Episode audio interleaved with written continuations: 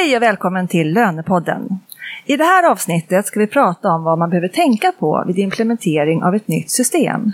Det är minst sagt en hel del och vi kommer inte kunna ta upp allt såklart, utan det vi ska göra är att lyfta ett antal viktiga punkter där det är många som går bet och där det gäller att tänka till en extra gång för att systembytet inte ska bli en mardröm.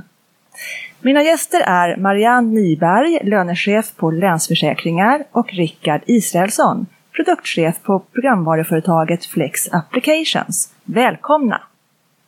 Tackar! Ni är båda med oss på länk från Karlstad, där ni bor och jobbar. Min bisittare är Magnus Nilsson Fahlén på Knowit Insight HRM och jag som driver Lönepodden heter Katarina Sand. Och välkommen till dig också såklart Magnus. Ja. Och jag arbetar på rekryteringsbyrån Wise Professionals där vi bland annat hyr ut och rekryterar lönekompetens. Vi driver också flera lönenätverk och håller ett årligt event som vi har döpt till Inspiration Lön. Och Lönepodden den gör vi i samarbete med SRF-konsulterna och Knowit Insight HRM. Implementering av system är som sagt ett jättestort ämne som man skulle kunna prata om hur länge som helst. Men vi har ju bara 30 minuter. Så för att det ska bli så givande som möjligt för dig som lyssnar så kommer vi att dela in samtalet i tre delar. Förarbete, genomförande och efterarbete. Marianne Nyberg, du är ju som sagt lönechef då på Länsförsäkringar i Karlstad där ni hanterar 8000 löner och där ni just nu håller på att byta HR-system. I vilken fas befinner ni er just nu? Ja, nu är det riktigt spännande för nu börjar vi faktiskt närma oss slutet kan man säga på den här resan. Vi ska gå live med vårt nya HR-system i början på april. Så att nu är det liksom det sista, sista här ända in i kaklet eh, tills vi får gå live. Så ja, det är riktigt spännande nu. Mm. Och jag vet att Knowit är inblandade som projektledare, eller hur Magnus? Ja, vi är delaktiga i projektet. Och du Marianne har ju varit involverad i flera systembyten i tidigare roller. Eh, I Värmland kommun var du med och bytte ett lönesystem, eller hur? Ja, det stämmer bra. Mm. Så du har stor erfarenhet. Vad skulle du säga är det viktigaste att tänka på i förarbetet? Ja, jag skulle nog säga att det är viktigt att lägga tid på att planera. Ta den tiden, planera aktiviteter och planera resurser framför allt. Man ska ha med sig att det här är inget litet jobb utan man behöver verkligen tänka till och man behöver antagligen skjuta till resurser. Det får man räkna med för annars så, så blir det en mardröm som du sa. Det, det, det kan bli riktigt hemskt faktiskt. Och tänka också på att planera resurserna även efter Go Live. Att man tänker att det är inte slut bara för att vi har implementerat färdigt och nu har vi det nya systemet. Så det är en lång resa därefter också som man måste tänka på. Så planera resurser. Mm, I ett tidigt skede. Ja, väldigt tidigt ska man börja med det tycker jag. Eh, och det, alltså, man kan börja tycker jag redan när man eh, börjar att välja system och fundera på, ja men det kanske man gör, ja men det handlar om ett år i förväg. Och då kan det kännas som att ja, ett år i förväg börjar man planera och sen så håller införandet kanske på i ett år. Och då tänker man att det är så lång tid kvar, men planera lite, lite längre. Planera längre så, så tror jag att det blir en trevligare resa. Mm. Ja, bra. Eh, Rickard Israelsson, du är produktchef då på Flex Applications, med jag säger att det är Karlstad också. Och du började på Flex för 16 år sedan och du har varit med och byggt Flex lönesystem från grunden. Och du har ju mött många kunder genom åren. Vad skulle du lyfta fram som det viktigaste att tänka på inför ett systembyte? Känner du igen den här bilden som Marianne gav? Ja men absolut, det är väl en uh, väldigt bra analys tycker jag. Uh, tiden är ju... Man får ju tänka på det att eh, lönerna ska ju ut som vanligt så det vanliga arbetet måste ju fortlöpa samtidigt som man har det här systembytet. Så att, så att tidsaspekten och planeringen är ju väldigt viktig. Um, och några grejer om man ska lyfta in någonting mer i förarbetet som jag tror är lite extra viktigt att tänka på. Det är ju att tänka på integrationer. Uh, vad har man för andra system som ska integreras här? Att ha en, en plan eller integrationskarta. Vilka system är det som, som det här nya systemet vi implementerar ska samarbeta med? och hur kan vi ha med i hela processen, införandet, planera för det. Tack. Magnus, du har ju du har också en så lång erfarenhet inom systembyten. Eh, du har jobbat liksom, du har inom ditt lön drygt 20 år. Mm. Kan det här på dina fem fingrar. Eh, känner du igen den här bilden? Och, och sen vill vi också veta, vad skulle du vilja lyfta fram som det viktigaste som många mm. kanske inte tänker på? Mm. Ja, det, det, stämmer ju som Marianne och, och Rickard säger att både resursfrågan och planeringshorisonten är ju jätteviktig.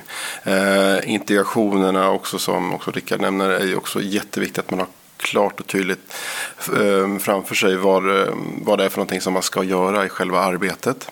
Eh, och eh, jag skulle också då vilja lyfta den här förändringsledningsparametern eh, i det hela. Det vill säga att ifall vi har målgrupper som får ett ändrat beteende ute i organisationen tack vare vårt projekt nu. Låt oss säga att man byter tidrapporteringssystem. Eh, då, då påverkar det hela organisationen i princip. Och då måste man också vara väldigt noggrann med hur man jobbar med information, kommunikation och utbildning för de målgrupperna som får ett ändrat beteende. Byter vi bara lönekärnan och lönemotorn, eh, då kanske det är ett fåtal personer inom organisationen som blir påverkade. Så man måste göra den analysen också. Vilka målgrupper är det som påverkas och också ge dem rätt förutsättningar för att ta till sig detta på, på rätt sätt. Hur har, hur har ni jobbat med det Marianne? För jag vet att när jag pratade med dig tidigare så, så nämnde du den vikten av medarbetarresan. Marianne? Ja, det stämmer. Eh, nu då främst inför bytet av nytt HR-system så gjorde vi ett väldigt stort arbete där vi då gick igenom och tittade på hela medarbetarresan. Alltså hur ser det ut för en medarbetare från innan man börjar, under hela rekryteringen och hur ser det ut sen som nyanställd? Vad händer när jag är anställd? Vad ska jag göra då? Vad upplever jag för eh, viktiga delar? Vad, vad är de viktiga avgörande ögonblicken, vi kallar det moments that matter. Vad är det som är det viktiga? Att man tittar på hela resan och sen fortsätter hela vägen också till, ja men jag kanske ska sluta någon gång. Eh, och vad händer efter det? Att man följer hela resan och tittar på vad är det vi vill lägga fokus på i det här. Så att ja, jag tycker medarbetarresan är väldigt viktig i det här.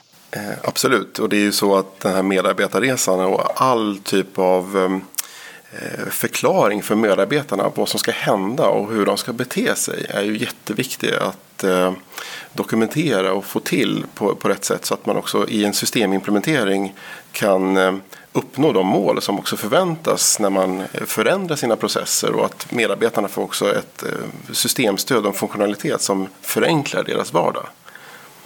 Så det är helt riktigt. Det är, det är en väldigt viktig poäng. Möter du också det här Rickard? Eller är det här någonting som ni tar upp med era kunder? Jo men absolut. Det är ju eh, hur medvetna påverkas och jag skulle också vilja lyfta fram hur, hur cheferna, det är en annan användargrupp som är inne i systemet som kanske inte har det här tålamodet alla gånger som, eh, som andra eh, användare har. Eh, att, att man har med sig dem är otroligt viktigt. Det här både i länken till medarbetare och, och för att ha med sig cheferna i liksom förändringsresan i stort tror jag är en nyckel också är väldigt viktigt. Och, och att de är med på förändringar i, i systemet och hur man kan jobba med det. Okej, okay, vad bra. Vad, vad, finns det mer då i förarbetet som vi behöver lyfta? Som ni tycker att man, man, man lätt missar? Man skulle också kunna eh, titta på det här med, med eh, leverantörens roll i det hela från kundens sida. Att man ser till att man involverar leverantören tidigt också i planeringen av själva projektet. Så att eh, det är ju en tvåsamhet det hela. Och det tror jag är en viktig poäng att ta med i det hela också i själva förarbetet. Marianne, var du med från början i diskussionerna kring ert systembyte?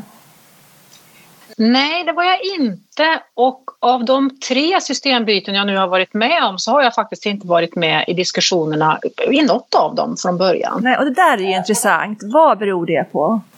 Ja, jag tror att det kan ha lite olika skäl. Vid två av bytena då vi bytte lönesystem så handlade det egentligen om att vi bytte inte leverantör utan det handlade om att man behövde göra en, en kraftig uppgradering egentligen. Att man sa att det här gamla systemet som ni har nu, det kommer inte att finnas kvar. Vi gör ingen utveckling utan nu måste ni byta.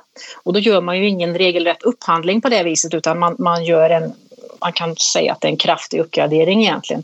Även om det är nästan lika mycket arbete i själva införandet. Så, så det kan ju vara en skäl då till att lön inte är med kanske från början. För det, beslutet är redan taget att vi ska inte göra den här jättestora resan utan vi ska göra lite mindre. Men tycker du att lön borde vara med tidigare? Hade du önskat det? Um, ja, jag tror att det är bra och någon i alla fall från lön bör vara med tycker jag för att titta på eh, hur kommer det här att påverka? För lön måste ju också börja fundera på hur kommer det här att påverka vårt framtida arbetssätt? För det kommer ju såklart att medföra stora skillnader i hur man jobbar eh, i alla delar av organisationen men, men främst då på lön när man byter de här HR-systemen, lönesystemen. Så att, ja, det, det är viktigt att man är delaktig från början. Vad har du för erfarenhet där Rickard, när det gäller era kunder? Eh, alltså vem pratar ni med i första hand när det gäller systembyte hos en kund? det kan ju variera lite grann eh, från upphandling till upphandling naturligtvis men eh, eh, jag håller väl med om att, att någon representant från lön de upphandlingar brukar ju sluta bättre. Att man får tidigt vara med. Eh, det är de som jobbar med lön som sitter med kunskapen och eh, det är en otroligt viktig kunskap eh, när man gör ett systembyte. Annars kan man missa enkla grundläggande saker. Kan ni vara med och påverka det som systemleverantör? Att ni till och med kan be om att, eller framhålla vikten av att ja, vi vill ha med någon från lön i våra diskussioner från början? Mm, det kan ju vara lite känsligt eh, om det är någon som är bestämd och, och, och, driver det här så kan det vara lite svårt att som systemleverantör Eh, man försöker eh, ställa lite konkreta frågor och hoppas att de förstår att vi behöver ha med någon som sitter med kunskapen. Ja, jag tänker att man kan hjälpa varandra. Ja, absolut. Och det, det, är ju, det är ju så att det, som vi säger och har pratat om i andra poddavsnitt också, det här eh, vikten av tvärfunktionella samarbeten är ju återigen ett sånt um, otroligt viktig parameter i hur man får saker och ting att fungera på ett bättre sätt. Mm. När man hjälps åt och inte ser varandra um, som, som motståndare utan som medspelare. Både om det är internt inom en organisation men även i projekt där man är flera olika parter som ska, som ska samsas. Mm. Så den här vikten av eh, förståelse för varandra och att man gör saker och ting tillsammans. Mm. Det är grunden för att lyckas i en implementeringsprojekt. Och där kan vi också lägga, lägga till att du Rickard sitter ju faktiskt med i en, i en samverkansgrupp som eh, heter SRF Lönsam. Eh, det är en samverkansgrupp med de svenska lönesystemleverantörerna som drivs av Senny Sjölund då på SRF-konsulterna. Det är spännande för ni är ju konkurrenter men ni samverkar i frågor. Berätta, vad, vad pratar ni om i den här gruppen? För det är också intressant. Mm. Ja, men det är jätteintressant eh, och som du säger eh, också ganska unikt samarbete som vi har eh, vi systemleverantörer inom lönområdet. Eh, vi är ju cirka, cirka 25 Eh, leverantörer som representerar den här gruppen och täcker in den största liksom majoriteten av lönsystemsleverantörerna i Sverige. Och vi har väl, jag brukar tänka liksom två olika områden. Det är dels att vi försöker hjälpas åt med eh, hur man ska tolka och eh, implementera olika regler, nya regler som korttidsarbete och när GDPR kom, hur vi ska tänka eh, implementera dem inom lönområdet. Och sen har vi också den här grupperingen har blivit ett eh, skapat ett nätverk kring sig med olika parter inom lön. Det kan ju vara Skatteverket och eh, SCB, Medlingsinstitutet eh, och även Fora Correctum för att nämna några som vi har en tät dialog med och många har insett att, att kan man prata med den här grupperingen så har man mycket att vinna på det. Mm, att det blir liksom en röst gentemot myndigheter till exempel. Men ni tar ju också fram gemensamma standards, eller hur? Som ska underlätta för kunderna och för er som systemleverantörer. Berätta lite kort om vad det är för standards. Ja men precis. En, ett eh, uh, nytt, nytt, exempel är ju korttidsarbete där vi har tagit fram en, en branschstandard uh, där vi såg ett stort behov att här är ett nytt krångligt regelverk. Det är snabbt uh, framtaget. finns inte riktigt någon som säger hur det ska vara. Och vi såg att alla satt med den här heta potatisen i sitt knä. Och där försökte vi helt enkelt samverka och gemensamt jobba fram en, en riktlinje som vi kan tillämpa i hela branschen så att säga. Mm. Hur många år har den här gruppen funnits, eller samverkansgruppen? Eh, det var en jättebra fråga. Men det är inte så länge va? Alltså, jag vill komma till att den är ganska, no, ett par, några år. Ja, några Ja, år, precis. ja. Vad bra. Magnus, det är väl smått, eh, det är ju unikt som sagt att det här Ja, kommer till. och, och det är ju toppen att det här finns. eh, För att eh, om man tänker sig just implementeringsgenomföranden. När man har kommit så långt att man har påbörjat en implementering. Så allting som kan underlätta själva implementeringen som är standard och som är lika för alla systemleverantörer, alla system, alla kunder i sin bransch. eh, Och egentligen då kontakter mot myndigheter och så vidare. Allt som gör att det blir enklare att, och mer standardiserat att implementera. Till exempel integrationer eller att tolka regelverk gör ju att den tiden vi spenderar i implementeringsprojektet minskar ju. Eh, Och då kan vi lägga den tiden istället på mer vad ska man säga, motiverande och proaktiva eh, aktiviteter såsom till exempel då utbildning, kommunikation, information eller att jobba med de här speciella, speciella lösningarna som vi har just för, för oss som, eh, som organisation. Ja, det där är spännande. Ska vi gå vidare då till själva genomförandefasen? Ja, det låter Vad, vem vill bör- börja och lyfta det som man bör tänka på då? Rickard, ska du börja? Ja, eh, men, men genomförandet, där är det ju förhoppningsvis man har gjort ett bra förarbete så man har en ganska eh, bra plan för hur man ska göra det här. Och, eh, att jobba strukturerat och, och så att säga ha ordning och ha mycket tid som vi pratar om att genomföra det här. Det är otroligt viktigt. Och det blir ju automatiskt ett läge där man liksom går igenom och gör en översyn av hela regelverket och alla processer man har som ska implementeras. Eh, och det kanske är viktigt att man, man kanske gärna vill så mycket och, och, och ta, ta i för mycket men kanske våga ta en sak i taget. Eh, våga lägga att det här kan vi göra lite senare. Eh, fokusera på kärnan. Vad är det vi behöver få på plats först? Vad är det som är kritiskt för verksamheten? Ta det först. Och sen det här förbättringspotentialen som man kanske inte man kanske inte ska göra allting på en gång utan kan lämna lite grann att göra lite senare, senare i, processen. Kan man, jag är nyfiken, kan man säga någonting om liksom, tiden?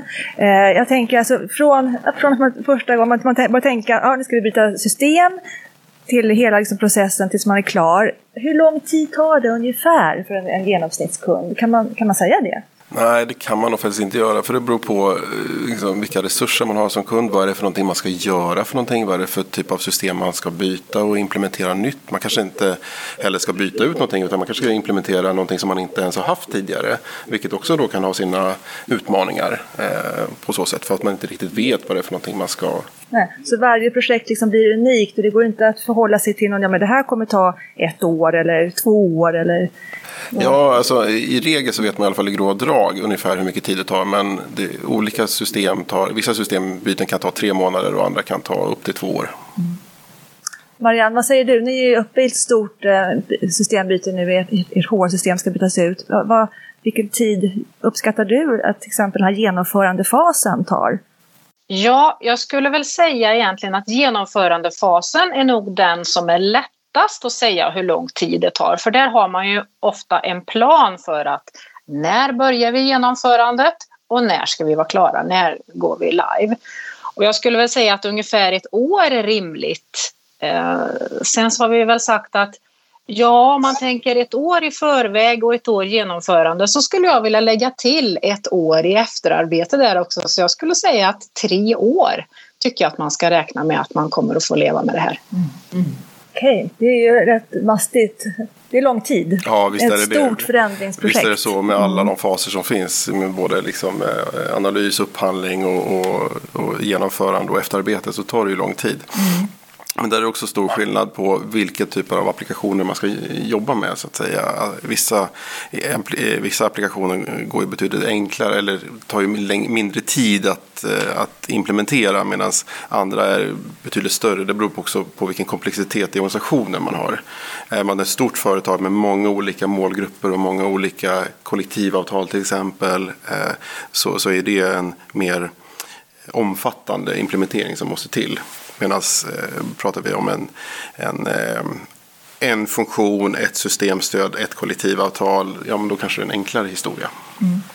Okej, hörni, mer då i genomförandefasen som vi ska lyfta till våra lyssnare. Man ska tänka på. Man ska slippa den där mardrömmen. Ja, jag skulle också vilja lägga till att, att eh, när man gör implementeringar så måste man också tänka på helhetslösningar i det hela. Det vill säga att eh, Eh, implementerar man olika typer av funktionsområden så måste man också säkerställa att man förstår hur de här hänger ihop med varandra.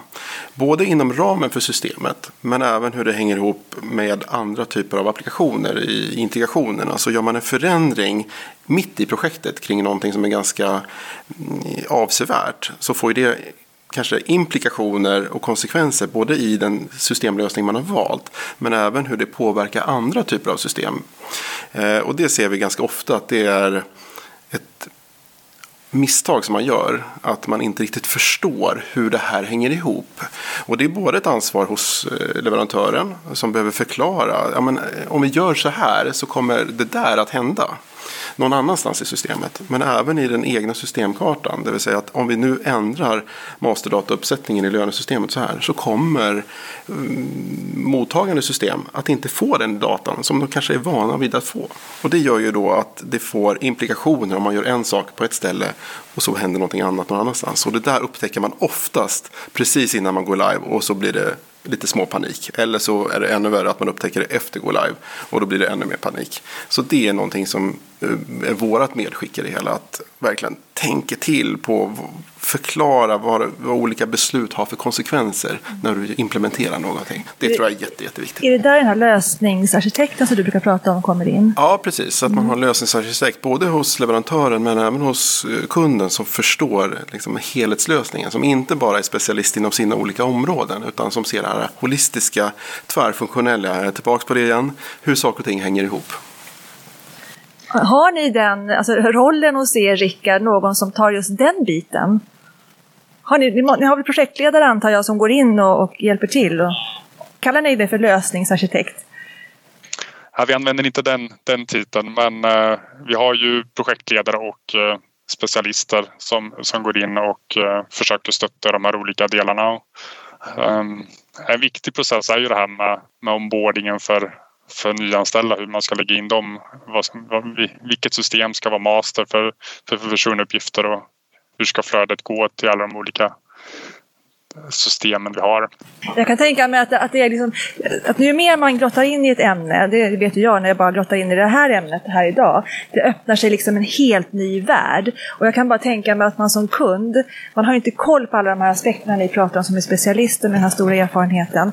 Att när ni kommer in, alltså det bara, men Marianne, du kanske håller med här, att man bara, men oj, ska vi tänka på det och det och det och det? Det blir ju jättestort. Och hur hanterar man det, Marianne? Ja, jag skulle säga här att det är jätteviktigt att lita på implementatören. Lita på leverantören av systemet, lita på implementatören som man har tagit in för det här. För de vet, de jobbar med det här varje dag och de kan ledsaga en på ett jättebra sätt så att det här blir bra. Och de kan också få en att undvika de här fallgroparna och tala om att tänk på det här och, och glöm inte det här nu och planera för det här. Det är jätteviktigt. Lita på de människorna och eh, det måste jag säga att i de tre projekten som jag nu har fått äran att vara med i så har jag fått jobba med fantastiska människor. Det, det är det roligaste av alltihop nästan i en implementation av ett nytt system. Alla de här fantastiska människorna som man får möjlighet att jobba tillsammans med.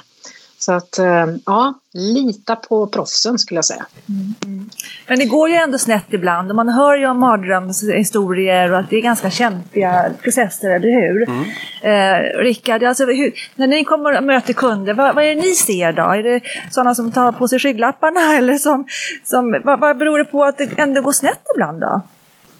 Ja, men jag tror mycket det handlar om det här som vi har varit inne på att uh, um, om man inte har tagit sig tiden att ta, alltså, eh, Eh, har resurser och inte jobbar strukturerat utan man, man, man jobbar lite med allt samtidigt och, och, och, inte har en ordning, ordning och reda helt enkelt. Jag tror att det är den, den största och viktigaste eh, och det som skapar stress och som, som rullar de här negativa grejerna på. Mm.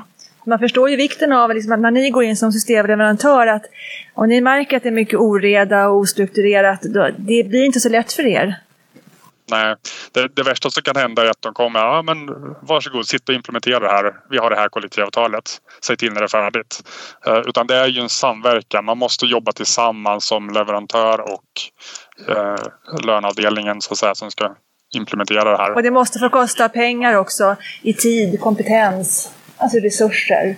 Det måste man förstå. Absolut, och det är ju, det är ju i, i de fallen som det mm, mot förmodan går snett då, så är det ju eh, oftast då på kundsidan som det är en resursbrist. Att man inte har riktigt förstått hur mycket tid det tar eh, och vilken typ av kompetens man måste ha. Eh, en annan sak som också är ganska vanlig i det, det är ju att man har olika eh, målbild helt enkelt. Vad man förväntas göra. Och det är som Rickard sa inledningsvis också att man kanske vill göra lite för mycket. Eh, och då ska man se till att liksom, få med det i själva implementeringsprojektet också. Och så blir det till slut att man lite grann med skohornet liksom, liksom, klämmer in det sista i projektet. Och det är då som också det tippar över till att oj nu missade vi någonting annat och så hann vi inte med det tredje. Och sen så blev det inte riktigt som vi, som vi ville. Man måste också tänka att det är lite taskigt mot alla de som är medverkande i projektet då. Ifall man kräver lite för mycket och man trycker på lite för mycket då. För då, då blir det så att alla får liksom inte riktigt rätt förutsättningar på att göra ett bra jobb också. Och det är oavsett var man är någonstans i det här liksom, som deltagare i projektet. Då. Så att den, den, den tror jag är en jätteviktig del. Okej hörni, sen kommer den här dagen D då Marianne. När det är dags liksom att trycka på den där knappen och man, man är alldeles slutkörd efter allt detta arbete. Och hur går tankarna då? Och hur bör man tänka? Ja, tankarna går ju ofta då att åh, nu närmar vi oss, vi är framme, vi har förberett det här så länge, vi har jobbat så hårt, nu är vi framme, nu kör vi. Och så trycker man på knappen och så är man igång. Och så andas alla ut och så tänker man att nu ska vi ta det lugnt. Men man är inte färdig då. Det är den absolut viktigaste lärdomen jag har fått genom det här. Man är inte färdig då. Man har en lång resa framför sig som handlar om förändringar i arbetssätt och den första tiden så handlar det mycket om stöd till medarbetare och chefer för hur det nya systemet fungerar. Vilka förändringar det leder till för dem. Enormt mycket kommunikation, utbildningar kanske måste has för alla möjliga. Eh, så att det finns mycket kvar att göra så att det kanske låter tråkigt men det är jätteviktigt att, att förstå att det här kommer att fortgå en lång tid framöver efter Go Live. Och vad jag förstår kan man nästan prata i tre, tre år, alltså lika mycket tid på för, förarbete, på genomförande och på efterarbete. Kanske inte år då, men i alla fall lika mycket tid i varje fas. Är du med på det också Rickard? Ja men absolut. Eh, jag tror att man ska inte underskatta det här Eh, Eh, stressen som kan upplevas med förändringar i framförallt IT-system bland medarbetare och chefer att, att man har en, en plan för hur man ska stötta eh, i den här förändringsresan från, från dagen D framförallt. Och, och det tar tid innan det har satt sig, innan alla har kommit in i de här nya eh, arbetssätt och, och, och vad det kan vara. Så det ska man inte underskatta.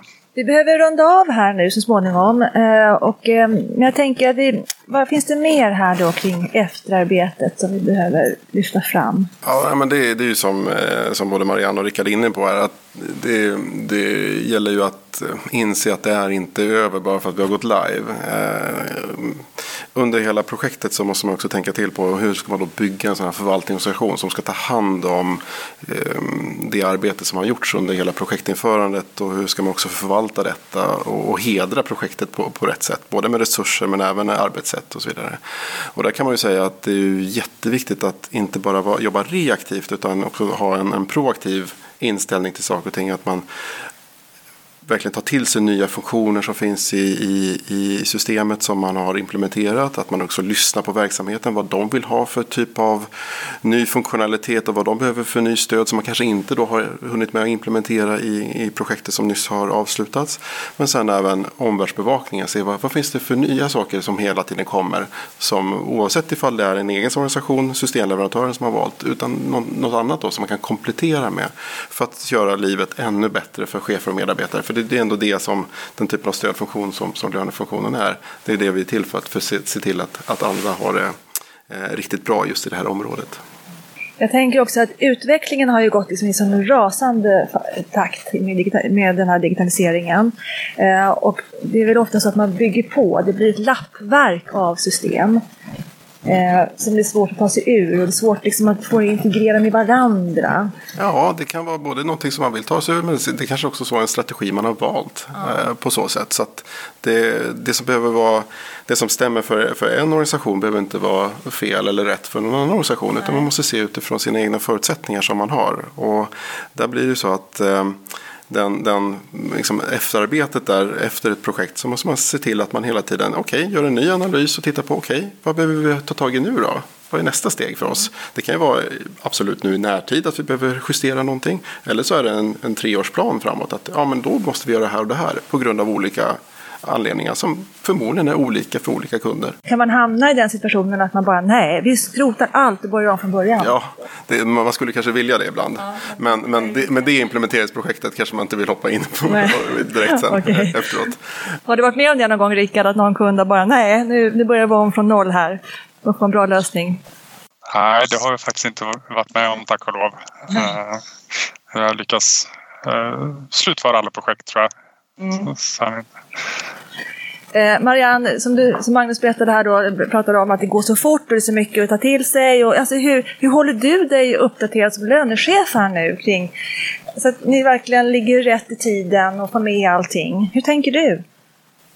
Ja, jättebra fråga som är jättesvår att svara på. Eh, för det är också så att när man är mitt i det här så är det svårt att ta den här tiden till att omvärldsbevaka och titta. Är vi med rätt nu? Är det något mer vi behöver? Är det något vi har missat? Så att, ja, det är också en sån här sak som jag kan tänka att man behöver resursplanera för. Att man måste tänka för sig själv. Att, vad behöver jag göra själv nu för att, för att jag ska klara av också omvärldsbevaka här så jag inte tappar den biten. För det händer jättemycket saker hela tiden. Eh, det, det ser vi ju nu med den situation vi är i idag. Det händer ju massor med saker på skatteområdet och, och sånt där. Och det är inte helt lätt att hålla sig ajour med allting men eh, man får försöka så gott det går. Och ni är ju åtta personer på din löneavdelning. Så jag förmodar att, du, liksom, att ni hjälps åt alla åtta. Ja, precis. Det är vi ju. Som tur är så har ju jag sju stycken superduktiga lönespecialister som då kanske inte har varit så mycket involverade i det här nya HR-systemsprojektet som jag är nu. Och eh, det är ju en väldig tur för att de har ju burit en enorm tung börda under tiden som jag kanske då inte har varit till så mycket stöd för dem. Så att man måste kunna lita på sina kollegor också, att de klarar av det här och de kan eh, steppa upp och, och ta tag i saker och ting. Och det har de verkligen gjort på min avdelning får jag säga. De är helt fantastiska. Ja, men, ja, men jättebra. Okej hörni, eh, vem vill ha sista ordet höll jag på att säga? Vem är det som, är det någonting här nu som ni känner att ja, men det där vill vi också lyfta? En sista. Vi kan ta laget, laget runt om ni har någonting på tungan som är, finns där kvar. Rickard? Ja, ja men då kan jag eh, fortsätta vara nyfiken på det nya systemet och, och det kommer kontinuerligt eh, nya funktioner. Eh, var nyfiken och ha en dialog med leverantören eh, hur man kan förvalta och hur man kan eh, eh fortsätta förändra för det är ju en, en ständig förändring vi, vi lever i. Eh, man kan aldrig riktigt vara nöjd och säga att nu är vi good enough utan eh, det kommer kontinuerligt nya grejer man behöver hantera och kan förbättra. Så fortsätt vara nyfiken. Mm, jättebra. Tack Rickard. Eh, och Marianne, vad säger du? Ja, då skulle jag vilja fortsätta spinna på det som Rickard sa det med att fortsätta vara nyfiken. Försök också att tänk positivt. Det kommer att finnas saker i det nya systemet som man inte är helt bekväm med och tänker att det var minsann bättre förr. Men då är det viktigt att det finns en anledning till att det ser ut så här. Försök att se positivt på det. Vad har vi fått istället? Vad är det här? Så att, försök att se positivt på, på även förändringar som man kanske inte tycker är de allra bästa första gången man ser dem. Ja, men jättebra. Förändring gör ju ont, det vet vi alla. Ja. Men att försöka tänka framåt, bra. Och Magnus? Ja, det finns ju en hel del saker som vi också inte naturligtvis som du sa inledningsvis har hunnit med att prata om. Eh, I, som, som är delar i ett implementeringsprojekt eh, oavsett vad det är för typ av projekt vi ska implementera. Eh, jag tänker på sådana saker som, som beslutsfattande i själva projektet, alla detaljer, testning och, och sådana saker. Det finns ju sådana saker också. Men jag skulle nog vilja ta, ta eh, vid vid det här positiva eh, som, som Marianne och Rickard säger. Att, men se till också att ha kul under projektet. Se till att, säg till din projektledare att nu, vi måste fira liksom delframgångar och ha roligt under tiden. För att det är väldigt mycket arbete, man har andra arbetsuppgifter och då måste man hitta den här extra motivationen och energin. Eh, både i sig själv och i sina liksom, projektkollegor. Och, och, det gäller även eh, liksom, eh, implementatören och andra parter och, och så vidare. Se till att ha roligt under tiden också. Försöka det i alla fall så att det inte bara är arbete. Tack Magnus, det blev en jättebra avslutning. Tack Marianne, Rickard, för att ni var med oss på länk från Karlstad. Och tack Magnus, min bisittare. Och tack, tack till Henke Branneryd på Hälsokommunikation som producerar Lönepodden. Och vi hörs igen. Hej då! Hej då! Hej då!